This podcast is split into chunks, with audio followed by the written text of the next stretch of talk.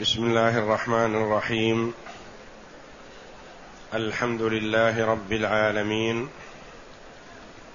والصلاة والسلام على نبينا محمد وعلى آله وصحبه أجمعين. وبعد. أعوذ بالله من الشيطان الرجيم. وحرام على قرية أهلكناها أنهم لا يرجعون حتى إذا فتحت يأجوج ومأجوج وهم من كل حدب ينسلون. واقترب الوعد الحق فإذا هي شاخصة أبصار الذين كفروا يا ويلنا قد كنا في غفلة. يا ويلنا قد كنا في غفلة من هذا بل كنا ظالمين.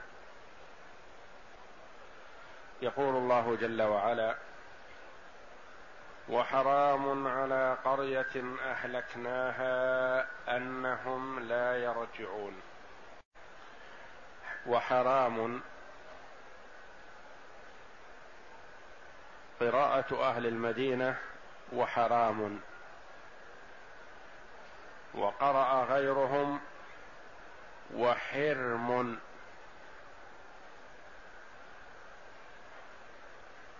وهذه القراءة تروى عن علي وابن مسعود وابن عباس رضي الله عنهم. حرم مثل حل وحلال. لغة في الحرام في حرام.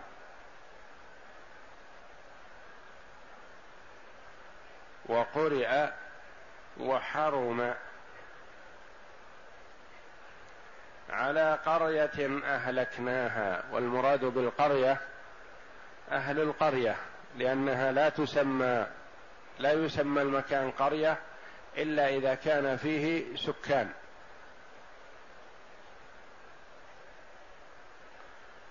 وحرام على قرية أهلكناها. أهلكها الله جل وعلا بأن أفناها. حرام عليها العودة إلى الدنيا. مرة ثانية إلا بعد البعث للناس عامة. وحرام على قرية أهلكناها أي قدرنا معنى آخر أي قدرنا إهلاكها. أنهم لا يرجعون أي ممتنع الا يرجعوا إلينا بل سيرجعون. المعنى الأول أنهم لا يرجعون إلى الدنيا. المعنى الآخر حرام ممتنع أنهم لا يرجعون إلينا بل سيرجعون إلى الله جل وعلا في الدار الآخرة. حرام أنهم لا يرجعون بل سيرجعون إلى الله جل وعلا ويجازيهم بأعمالهم. متى ذلك؟ عند قيام الساعة. ومن علامات قيام الساعة خروج يأجوج ومأجوج. حتى إذا فتحت يأجوج ومأجوج. يأجوج ومأجوج قبيلتان من بني آدم. قيل إنهم تسعة أعشار بني آدم. ونقل بعض المفسرين رحمهم الله شيئا من أخبارهم.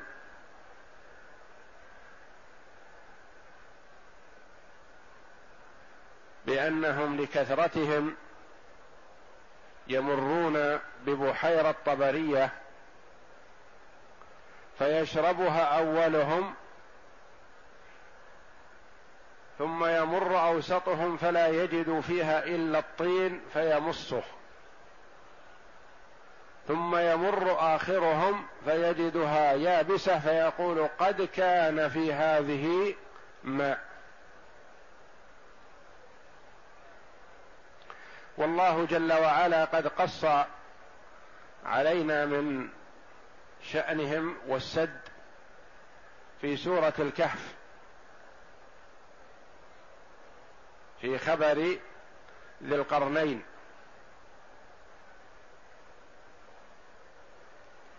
حتى إذا بلغ بين السدين وجد من دونهما قوما لا يكادون يفقهون قولا قالوا يا ذا القرنين إن يأجوج ومأجوج مفسدون في الأرض فهل نجعل لك خرجا على أن تجعل بيننا وبينهم سدا؟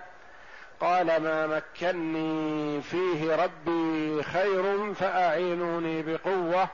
أجعل بينكم وبينهم ردما. فعمل الردم لأنهم كانوا يغيرون على من حولهم. فعمل الردم فصار ذلك حاجز بينهم وبين الناس. فإذا أراد الله جل وعلا انطلاقهم على الناس تهدم السد وخرجوا منه فعاثوا في الأرض فسادا. وذلك قبيل قيام الساعة في وقت نزول عيسى بن مريم على نبينا وعليه أفضل الصلاة والسلام. حتى إذا فتحت يأجوج ومأجوج أي فتح السد وانطلقوا وهم من كل حدب ينسلون أي أنهم يملؤون الأرض. ولا يسيرون مع السهل فقط بل مع السهل والوعر والحدب المرتفع الأكمة. ومعنى ينسلون يسرعون.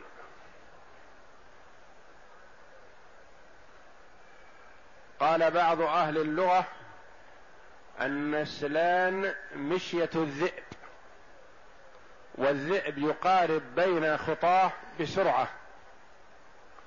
أي أن هؤلاء يمشون في الأرض مسرعين بمقاربة الخطى بسرعة. فهم ينسلون يقبلون على الناس فمن وجدوه قتلوه. ومن تمردهم وطغيانهم أنهم لا يجدون أمامهم يختفي الناس عنهم ويتحصنون من استطاع منهم أن يتحصن فلا يجدون أمامهم أحد فيقولون غلبنا أهل الأرض وبقي علينا أهل السماء ثم يرمون حرابهم إلى جهة السماء فترجع ملطخة بالدماء فيقولون غلبنا أهل السماء. ففي ذلك فتنة يجعلها الله جل وعلا حتى يستغيث عيسى بن مريم على نبينا وعليه أفضل الصلاة والسلام ومن معه إلى الله جل وعلا فيرسل الله على ياجوج ومأجوج داء يموتون عن آخرهم في لحظة في ساعة واحدة حتى تتغير الأرض من نتن ريحهم. حتى إذا فتحت يأجوج ومأجوج وهم من كل حدب ينسلون حينئذ اقترب الوعد الحق.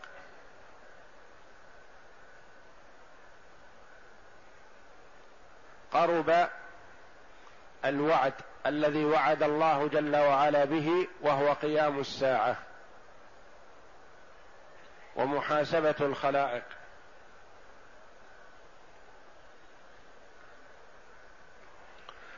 وجاءت أهوال القيامة بعد ذلك. عند ذلك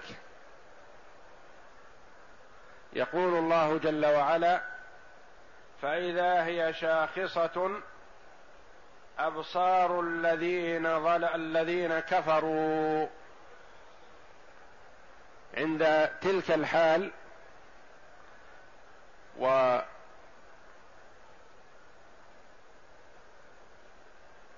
الذي بعده البعث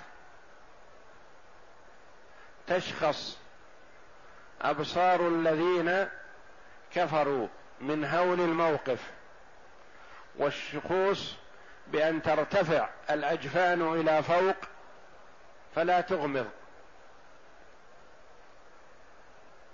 والمرء إذا خاف من شيء أمامه شخص بصره بمن ارتفع الجفن فلا يغمض لأنه يخشى من هجوم هذا الشيء عليه حال إغماضه.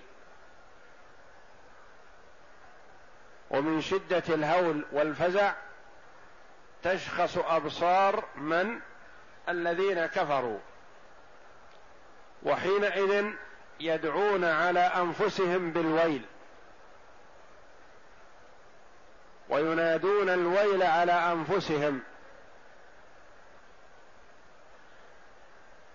يا ويلنا قد كنا في غفلة من هذا. يدعون على أنفسهم بالويل لأنهم ما استعدوا لهذا اليوم ولا أخذوا له عدة. وذلك أن المؤمن يسير إلى أرض المحشر مطمئن. وحشر الناس كما تقدم في آيات سابقة على تفاوت منهم من يحشرون على نجب إبل حسان ومنهم من يمشي مشيا ومنهم من يكون منزعجا ومنهم من يمشي كالمصروع يمشي ويسقط ويمشي ويسقط وهم أكلة الربا.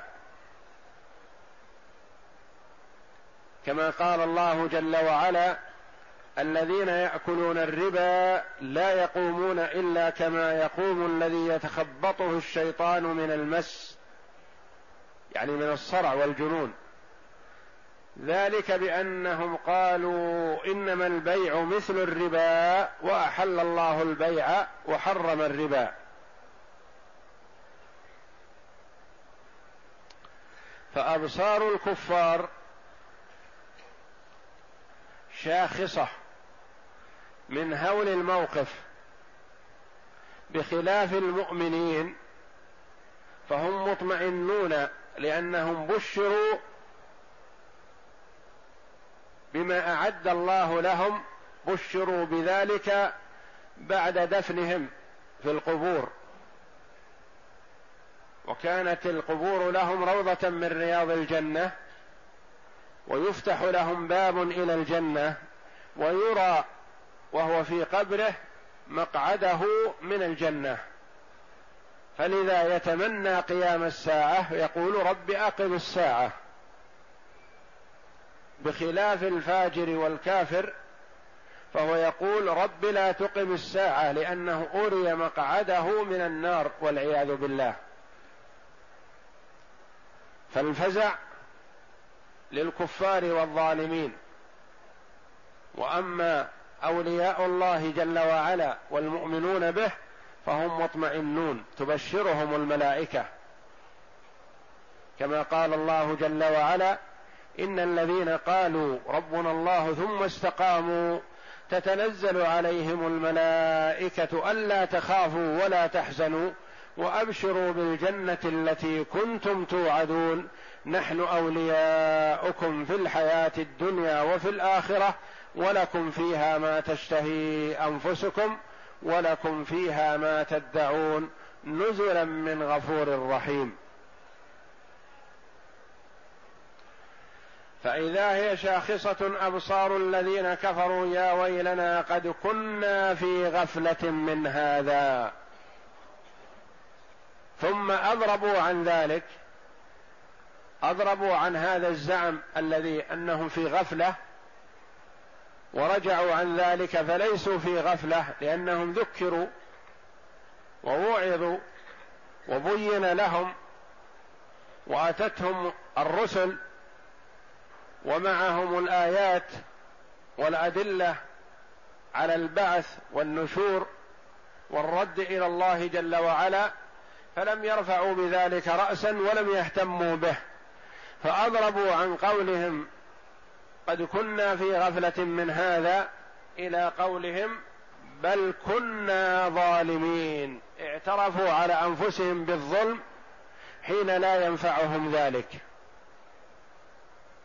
فالاعتراف والرجوع إلى الله جل وعلا ينفع المرء إذا رجع في الدار الدنيا وأحدث عملا صالحا وأقلع عن الأعمال السيئة نفعه ذلك.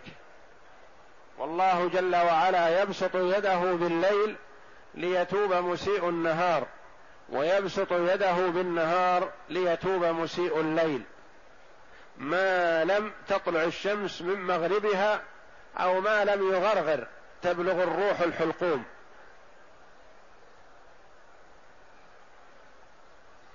فإذا بلغت الروح الحلقوم لا ينفع نفسا إيمانها لم تكن آمنت من قبل.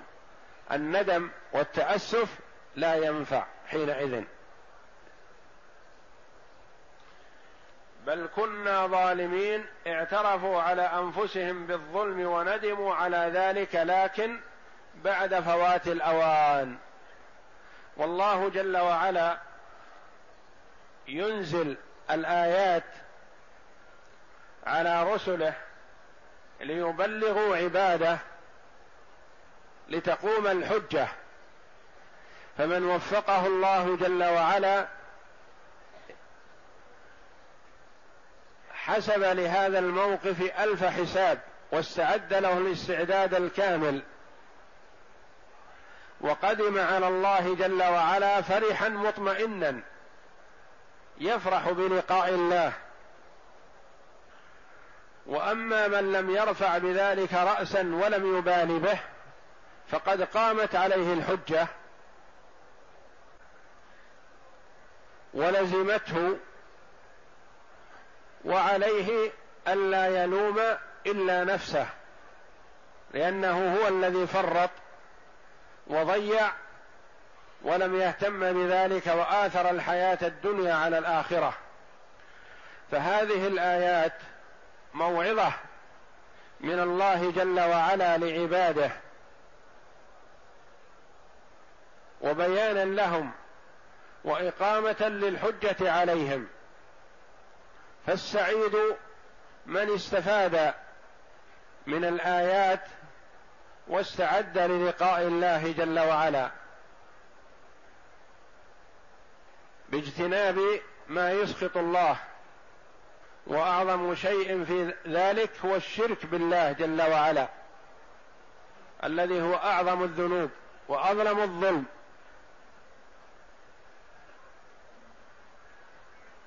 فالسعيد من استعد للقاء الله جل وعلا بما يرضي الله والشقي والمحروم والعياذ بالله من أعرض عن ذلك ولم يرفع به راسا واهتم لأمور دنياه وضيع دينه وآخرته فخسر والعياذ بالله الدنيا والآخرة. من ضيع دينه ولم يهتم به خسر الدنيا لأنه وجد في الدنيا ليعمل للآخرة فهو يستفيد من دنياه إذا عمل لآخرته ويخسر دنياه إذا لم يستفد منها خيرا لآخرته لأن الدنيا وما فيها من نعيم زائلة مضمحلة بسرعة. فالعاقل من حاسب نفسه. واستعد لما خلق له.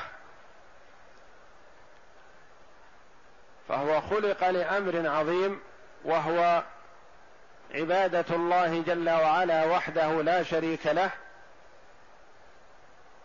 وجزاء ذلك جنة عرضها السماوات والأرض.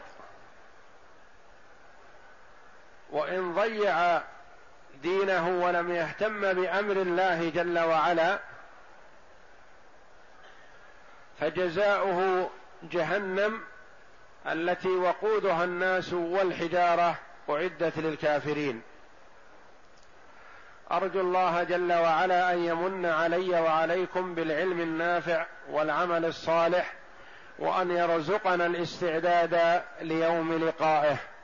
والله أعلم. وصلى الله وسلم وبارك على عبده ورسول نبينا محمد وعلى آله وصحبه أجمعين.